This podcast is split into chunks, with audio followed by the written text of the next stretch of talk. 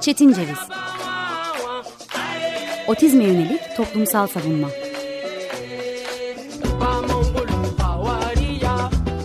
Hazırlayan ve sunan Deniz Yazgan Merhaba, 95.0 Açık Radyo dinliyorsunuz. Ben Deniz Yazgan Şenay. Bugün 31 Mayıs 2023 Çarşamba. Kainatın tüm nöroçeşitlerine açık Cesin Ceviz'de yeniden birlikteyiz. Sebep sonucun yerini seçim sonuca bıraktığı bu sürecin ardından ya sonra diye sorduğumuz, peki ya şimdi ne olacak diye birbirimize baktığımız günlerin içinden geçiyoruz. Çetin Ceviz için bu soruyu daraltacak olursak, yeni meclis nöroçeşitli için ne yapacak diye sormak lazım öncelikle. En son söylenmesi gerekeni hemen söyleyelim. Mecliste nöroçeşitlilik kavramı çok ama çok az söylendi. Neredeyse hiç söylenmedi. Bununla ilgili olarak nöroçeşitli diye değil engelli diye arandığında da ki bu www.5.tbm.gov.tr'nin tutanak dergisi sayfasından araştırılabilir pozisyonda açıklamalarda da ki tüm meclislerde arama butonunun ardından 27. dönem meclisini seçtiğinizde açıklamalar, and içmeler, bildiriler, deklarasyonlar, birleşimler, Cumhurbaşkanı, Cumhurbaşkanı'nın and içmesi gibi önergelerin, kararların, komisyonların olduğu sayfalarda engellilikle ilgili araştırma yapmanın çok çok zor olduğuyla karşılaştık öncelikle. Önemli olan unsurlardan bir tanesi mecliste konuşulanların ki bu bazen karar olabilir, bazen bildiri olabilir, bazen de bir soru önergesi olabilir. İçeriğinden, kelime içeriğinden, anahtar kelimeden ne olduğuna erişememek gerçekten büyük bir problem ki bence bu problem bu tutanakların pdf halinin değil taranmış halinin yüklenmesinden kaynaklanıyor. Bu bağlamda şunu da söylemek lazım. Tutanak dergisi içerisinde ki erişilebilirliğin de e, ilk defa programımıza tesadüfen dinleyicilerimiz için söylenmesi gerekir ki erişilebilirlik de aslına bakarsak engelliyi tahayyül etmeyen, engellinin de bu toplumda var, var olduğunu kabul etmeyen kişilerin aslında ihmal ettiği bir durumdur. Tüm meclislerde PDF erişimi adlı bir sayfa olduğunu da söylemek lazım. Ama burada maalesef birinci birleşimden en sondaki birleşime kadar 112. birleşime kadar konuyu nokta atışı bir şekilde bilmeniz ve bu şekilde PDF olarak erişmeniz gerekiyor. Bu bağlamda araştırmacılık kapasitesi için zaten hangi günde hangi milletvekilinin, hangi milletvekili e, grubunun, hangi meclis grubunun bu bağlamda bir fikir ürettiğini bilmek, e, konuyu da bilmekle eşdeğer ve aslına bakarsak meclis tutanağından ziyade Google içerisinden de bunu bulabiliyoruz. Ama en azından biz de bildiklerimiz üzerinden devam edeceksek eğer, Halkların Demokratik Partisi'nin nöroçeşitlilik kavramını kullandığını, bu bağlamda bu partinin Engelliler Komisyonu'nun da kendi bildirilerinde, manifestolarında nöroçeşitliliğe yer verdiğini görüyoruz. Bununla beraber Mayıs ayının başı Nisan ayının sonunda Türkiye İşçi Partisi'nin hazırladığı bildirgede nöroçeşitlilik geçmese de engellilikle ilgili olarak açıklamalarda bulunduklarını görebiliyoruz.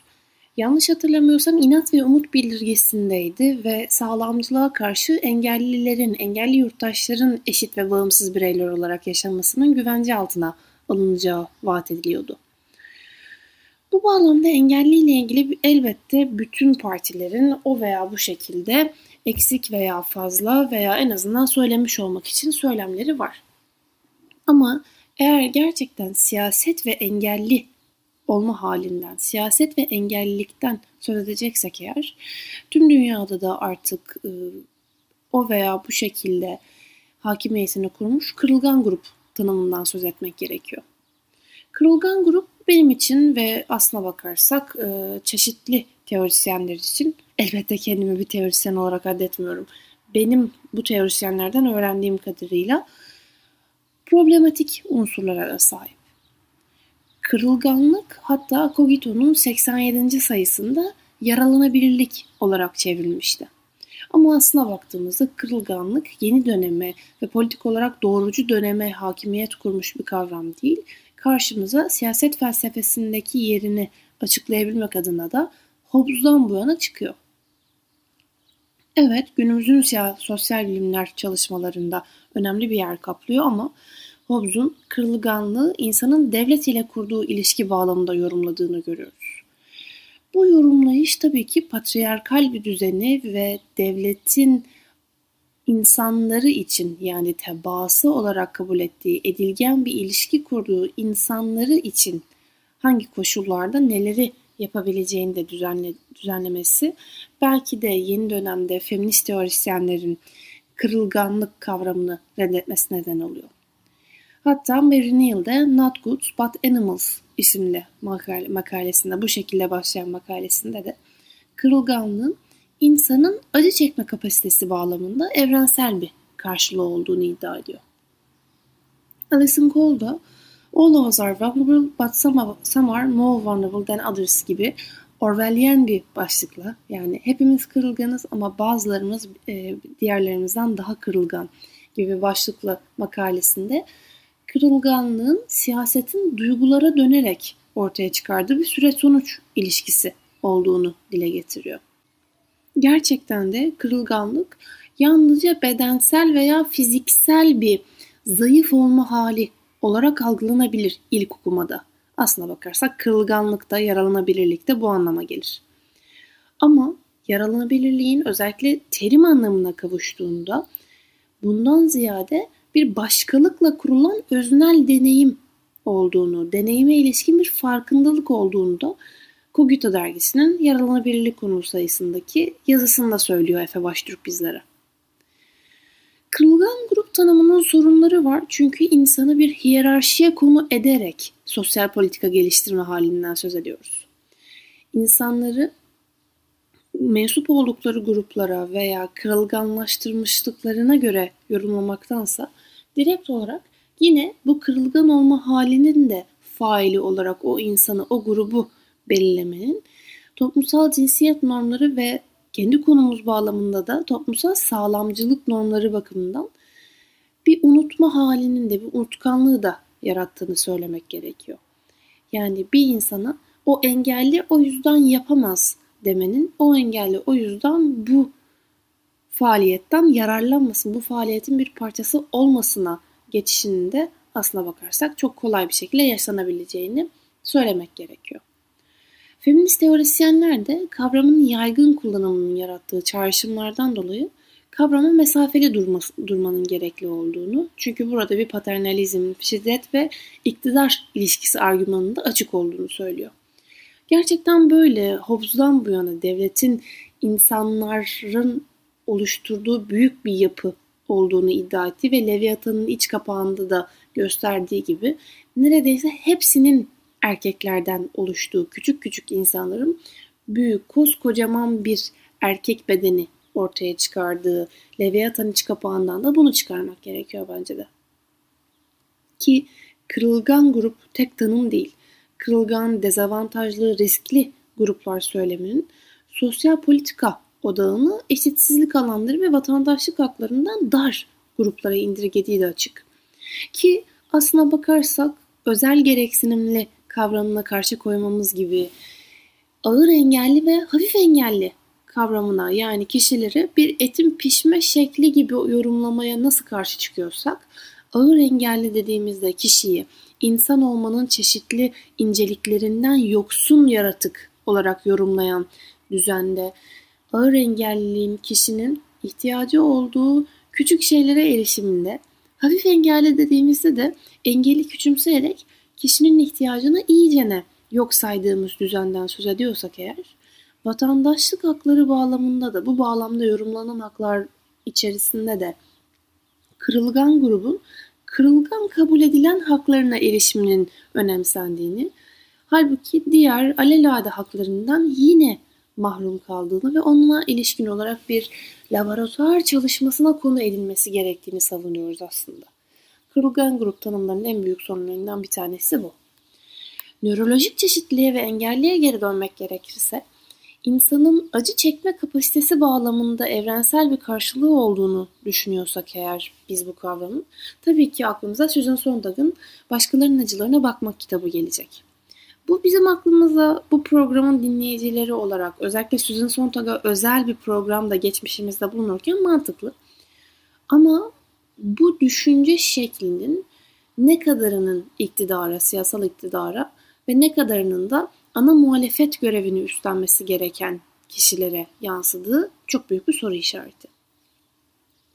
Değerli arkadaşım Zeynep Alacakaptan'ın Acılarıyla Baş Başa Bırakılanlar isimli makalesinde başkalarının kim olduğu sorusuna en basit çözümleme biz olmayanların kim olduğu açıklanarak bulunabilir cümlesi burada da aklımızda bir yerde çünkü. Acıları ile baş başa bırakılan insanlar genellikle onlardır ve onlara acınır. Onların çektiği acılar üzerinden sosyal politika geliştirmekten ziyade bir sosyal sorumluluk projesi geliştirilir. Bu bağlamda engelliyi açıklayan modellerden hangisinde bulunduğumuz önem kazanır. Eğer biz dualist bir bakış açısı ile insanı hasta ve normal olarak ayıran tıbbi modeli benimseyerek devam ediyorsak ki maalesef Türkiye'de halen ve halen engelliye olan ilgi alaka çok az olduğu için çoğunlukla tıbbi modelden devam edilir ve hangi hastalıkla hangi engelliliğin birleştiği konusunda karmaşık zihinlerle karşılaşırız. Bu bağlamda yine bir acı çekme ve kırılganlık hali üzerinden engelliliğin tanımlandığını görürüz. Bu bağlamda engelli hala bir kafes içerisinde gözlemlenen yaratıktır. Hangi davranışları hangi koşullarda yaptığına odaklanılır ve bu bağlamda vatandaşlık haklarına erişimden ziyade sağlık hakkına erişimden söz edilir. Vatandaşlığı daha geniş bir bakış açısında ele alıyorsak. Yani bir engellinin sinemaya nasıl gideceği önemsenmez. Engelli bir sosyal güvenlik sorunudur. Ki bunun ardından gelen sosyal model de yaşam süreci yaşamında benimse, e, yaklaşımda benimseyerek tıbbi modeli biraz elinin tersiyle yavaş yavaş itmeye başlar. Çünkü tıbbi modele göre engellilik değişken bir süreçtir ve engelin kronik evresine odaklanılmıştır ve buna ilişkin olarak araştırmalar yapılır ve araştırılıyor olanlarla yani engellilerle işbirliği yapılır. Bu bağlamda sosyal modelin önemli bir ivme kazandırdığı, insan haklarına erişim bağlamında da önemli bir ivme kazandırdığı sürecin sonrasında artık araştırma sürecinde yine sağlam bedenlerin, ehil bedenlerin, able bodies'i ehil bedenler olarak çevirmiştim bundan yıllar önceki bir çevirimde. Ama hala belli bazı eksiklikler olduğunu düşünüyorum. Ehil bedenlerin öncü olduğu ve yine engellilerin edilgen kılındığı sürecin ardından insan hakları modeli engelli lider çalışmaları öne çıkarır ve eğer kamu politikasında, yasa yapmada, sistematik programlı değişimlerde herhangi bir şey yapılacaksa engellilerin odaklı alındığı, engellilerin lider bir şekilde fikir ürettiği ve çözüm ürettiği süreçleri öne çıkarır. Bu bağlamda bu ayrımların farkına varmış milletvekillerinin şu anki milletvekili sayısında 600'de kaçı oluşturduğu sorusu çok büyük bir muamma ve bizleri de özellikle büyük problemlere sürüklüyor. Çünkü kırılgan grup üzerinden devam etmek istiyorsak eğer, Türkiye'de kırılgan grubun tanımını görüyoruz ve biraz daha yönetmelik özelinde indirgenmiş bir tanım olduğunu fark ediyoruz. Adli destek ve mağdur hizmetleri yönetmeliğinin dördüncü maddesinin iyi bendi, İstanbul'un iyisinin bendiyle kırılgan grup adli destek görevlileri tarafından yapılan bireysel değerlendirme sonucunda suçtan daha fazla etkilendiği ve korunması gerektiği tespit edilen mağdurlar ile adli sisteme dahil olan çocuklar şeklinde tanımlanmış. Bu maddede tanım, yapılan tanımlamanın bir iyi bir kötü yönü var. Ee, çok fazla yönü var elbette ama benim için bir iyi bir kötü yönü var. Birincisi her somut olayda yapılan bireysel değerlendirme sonucunda suçtan daha fazla etkilenen kişinin veya kişi grubunun kırılgan grup olarak tanımlanması belki de suçun yorumlanışı ve kriminolojik açıdan da e, bu suçtan sonraki rehabilitasyon sürecini daha farklı ele almayı gerektirebilir. Örneğin engelli bir mağdura yönelik işlenmiş bir suçsa engellinin sözüne güvenilmeyen bir toplumda yaşadığımız bilinciyle ayrıksı bir mağduriyetin daha ortaya çıktığını savunan adli destek görevlisi yargılamanın nasıl niteleneceğine karar verebilecektir. Bence bu bağlamda önemli bir tanım.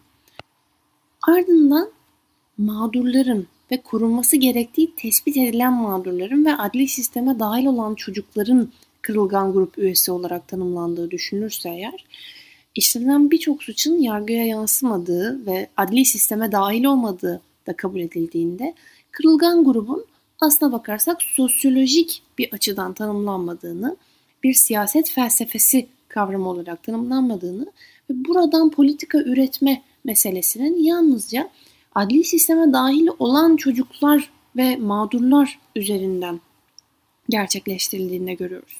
Çünkü eğer bir suçtan söz ediyorsak bu suçun işlendiğinden haberdar olan adliyeden, adli e, sistemden söz etmemiz gerekir. Ve maalesef biliyoruz ki Türkiye'de işlendiği kadar işlendiği bilinmeyen suçlar da e, daha doğrusu işlenip adli sisteme yansıdığı kadar işlendiği bilinmeyen suçlar da var ve bu bağlamda buradan bir politika üretmek çok zor.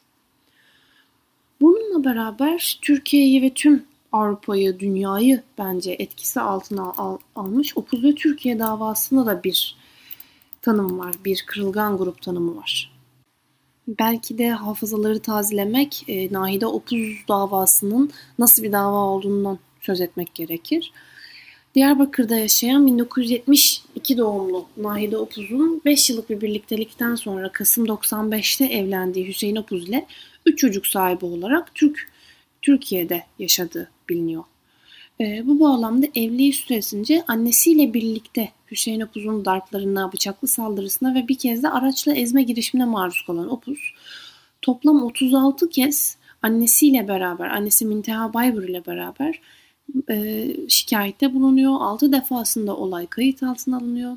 Hüseyin Opuz iki kez gözaltına alınıyor ancak tutuksuz yargılanmak üzere serbest bırakılıyor. E, Nahide Opuz ve annesi Minteha Baybur, Hüseyin Opuz'un tutuksuz yargılandığı bu süreçte her seferinde şikayetlerini geri alıyorlar ve şikayete bağlı suçlardan olduğu gerekçesiyle davalar düşüyor. Ki bu şikayette geri alma meselesinin bir baskıyla olduğu da açık. Ardından birçok kez çok küçük cezalarla örneğin bir tanesi 3 taksitte ödemek üzere 800 Türk lirası gibi bir para cezası iken 3 ay hapse mahkum edilmişken ancak e, cezası paraya çevrilmişken e, bunlardan sonra Nahide Opuz evden ayrılmak üzere e, bir kamyona eşya yüklemişken aracın önünü Hüseyin Opuz kesiyor e, ve annesi e, vurularak öldürülüyor Hüseyin Opuz tarafından. Bu bağlamda mahkemeye de kadar e, Avrupa İnsan Hakları Mahkemesi'ne giden süreçte bu kararın verildiğini yani e, Türkiye'nin şiddet gören bir kadına savcılığa başvurduğu halde kocasından koruyamayarak ayrımcılık yaptığına bu yüzden de e, Naide Opuz'un 36.500 euro e, ile tazminat e, ödenmesine karar veriliyor. Bu bağlamda eğer yanıta gelecek, kırılgan grup tanımına gelecek olursak kararın içerisinde sonuç kısmına gelmeden önce devletin kadına karşı şiddetle mücadelesizliğini konu edinerek mahkemenin e, aslına bakarsak aile içi şiddet gören kadınları da kırılgan grup dahiline aldığını görüyoruz. Aile içi şiddet gören kadının da bu bağlamda kavram adı altına alınmış olması önemli bir şey gösteriyor bize Türkiye'de. Ki İstanbul Sözleşmesi'nde de kapı açan kararlardan biri Opuz ve Türkiye kararı iken Türkiye'de şiddet gören kadınların kırılgan grup içerisinde olduğu belliyken meclis tutanaklarında kırılgan kelimesini aradığımızda karşımıza hiçbir şeyin çıkmıyor olması büyük bir kayıp. Elbette kırılgan grup kavramından söz edilmiştir ancak mecliste bu kavramın ne zaman ne şekilde söylendiği ve ne yapıldığına erişim bütün tutanakları okumaktan, bütün fihristleri bilmekten geçiyorsa burada gerçek bir bilgi sunumundan söz edilmeyecektir. Aslında bu kırılgan grup tanımını siyaset felsefesi açısından önemi ve meclisin bu konuda neler yapabileceğini tartışmak adına bu kadar anlattık. İki hafta sonraki programda belki neler yapılabileceğini tartışırız. Ancak bizim için önemli olan, en önemli olan şey bu bağlamda kırılgan gruba mensup olduğu sürekli tekrar edilse de engellilerin, nöroçeşitlerin ve bel, e, belli olacağı şekilde şiddet gören kadınların Bu noktada yapılan şeyin azlığının bilincindeyiz ve artık bunun değişmesi gerektiğini düşünüyoruz. Seçim bir sonuç değildi, yeni bir süreçti. Belki de belli bazı kesimleri mutlu eden, belli bazı kesimleri ise çok tedirgin eden bir sürecin başlangıcındayken muhalefette olması gereken kişilerin, siyasal iktidarı oluşturan kişiler kadar muhalefette olması gereken kişilerin de kırılgan grup tanımını biraz daha açıp eleştirilerini yapıp artık ne yapması gerektiğine karar vermesi ve mecliste nasıl bir haklara yönelik, özgürlüğe dönüşe yönelik bir baskı oluşturacağına karar vermesi gerekiyor belki de. Bugün kırılgan grubun ne olduğu, ne olması gerektiğine kalsın. Ancak birçok tartışmada olduğu gibi yine bir mağlubiyetle bu tartışmaya yönelik problematik unsurları belirlemeden önce Denizciğim gel en iyisi kırılgan gruplara yönelik nasıl politika ürettiğine odaklansın meclis deneceğine de eminim. Gün be gün bu söyleme karşı durmak, yahu siz çok pratik, çok pragmatik düşünüyorsunuz demek zorlaşıyor. Umarım pratik ve pragmatik düşünenler kazanır ve gerçekten kırılgan grup kavramı üzerinden tanım yaparak, çalışma yaparak kırılganlaştırılmış, yaralanabilir kılınmış insanlarla ilgili yaralanamazlıklarına odaklanmak, güçlendirilmelerine odaklanmak üzere çok şey yapar önümüzdeki 5 yılda meclis.